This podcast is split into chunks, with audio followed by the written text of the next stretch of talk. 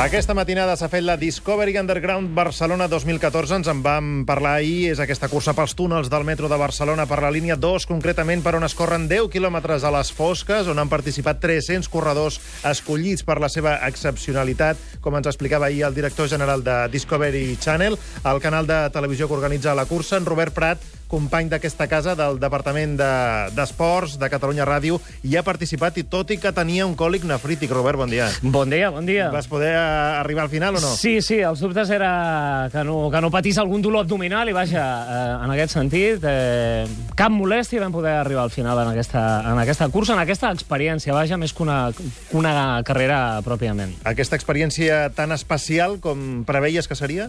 La veritat és que no preveia tanta calor. Jo crec que és el dia que suat més en tota la meva vida, sense cap mena de dubte. La temperatura era altíssima, altíssima, hi havia molta humitat i jo no esperava una cursa tan dura. Jo crec que va ser una cursa mm, prou dura i no crec que tothom pugui, pugui fer-la. És a dir, qui estigui habituat a córrer eh, li costarà, eh, agafant un ritme tranquil·let, i després també hi ha un plus de perillositat eh, que en alguns moments en alguns moments pot passar alguna cosa, no ha passat res, però si passa alguna cosa per la foscor, pels forats que hi havia, per les travesses en mal estat, sobretot a, a la segona part de, de la cursa, pots tenir una caiguda, de fet n'hi va haver-hi eh, alguna i pot tenir conseqüències. No va passar res, tot va anar bé, però mm, hi havia aquest plus de perillositat. També hi havia una participant que tenia un avantatge clar, jo crec, respecte als altres 299 participants, que és la Sandra Delgado. Sandra, bon dia.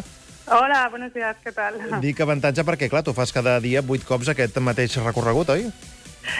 Eh, sí, sí, lo que pasa que, a ver, se vive muy diferente, ¿eh? es muy diferente verlo como yo lo veo cada día desde un tren que verlo desde abajo, ¿eh? Me sentía pequeñita abajo, ¿eh? Y completamente lo que decía el compañero, muy duro, ¿eh? No pensaba yo que fuera tan, tan duro. Mucha calor. Comparto su opinión, ¿eh? Mucha, mucha calor, de verdad. I, per tant, eh, d'aquesta nova perspectiva que has tingut de, de la via del metro, què t'ha sorprès més? Eh, eh, perdona, eh, te pierdo un poco. ¿eh? ¿Puedes repetir? Dic, d'aquesta nova perspectiva que has tingut de, de, del que són els túnels del metro, doncs, eh, què, què és el que t'ha sorprès més? Eh, a ver, sorprender tampoco, porque yo ya yo sabía más o menos lo que me iba a encontrar, pero sí que es lo que comentaba el compañero, mucho... eh, era prácticamente una carrera de obstáculos, o sea, muy pendiente del suelo, de no caerte. Yo vi gente que cayó, gente que se desmayó también. Eh, era, o sea, ir alerta completamente. No era, vamos, mm, disfrutar poco, yo creo que pudimos disfrutar porque era ir en tensión, ¿eh? Pero bueno, mm, me quedo con la experiencia, eh, que he sido afortunada de poder vivirla y, y bueno, pues eso.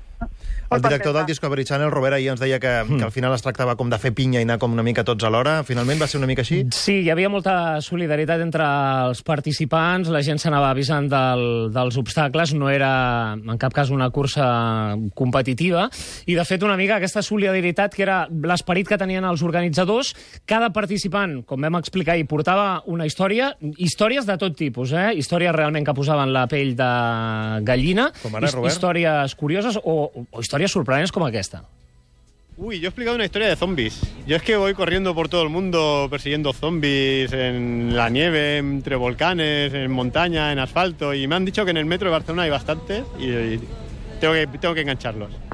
No, jo he explicat la meva experiència, jo vaig seguir de muntanya de secs i res, més que res que volia viure una mica el que poden, poden arribar a viure ells quan estan per la muntanya sense veure res, o sigui, buscar una mica córrer amb dificultat i a veure, a veure si és així aquí al metro.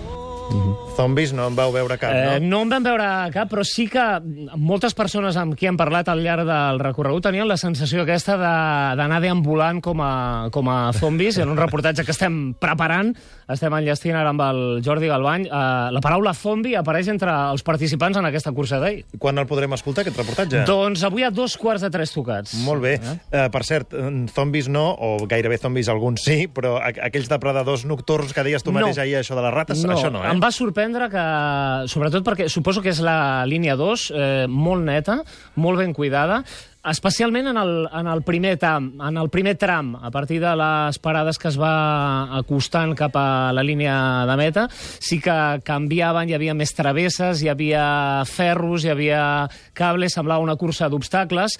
Algú ho compara amb, un, amb una pista americana, d'aquella que veiem al, als programes de televisió, amb aquell programa de Fiebre Amarilla, Humor Amarillo, doncs una cursa d'obstacles en, el, en el tram final, complicat, però molt net al, al metro de Barcelona. Eh? Sandra, ja veus que el Robert, bona imatge que ha donat el metro en aquesta cursa?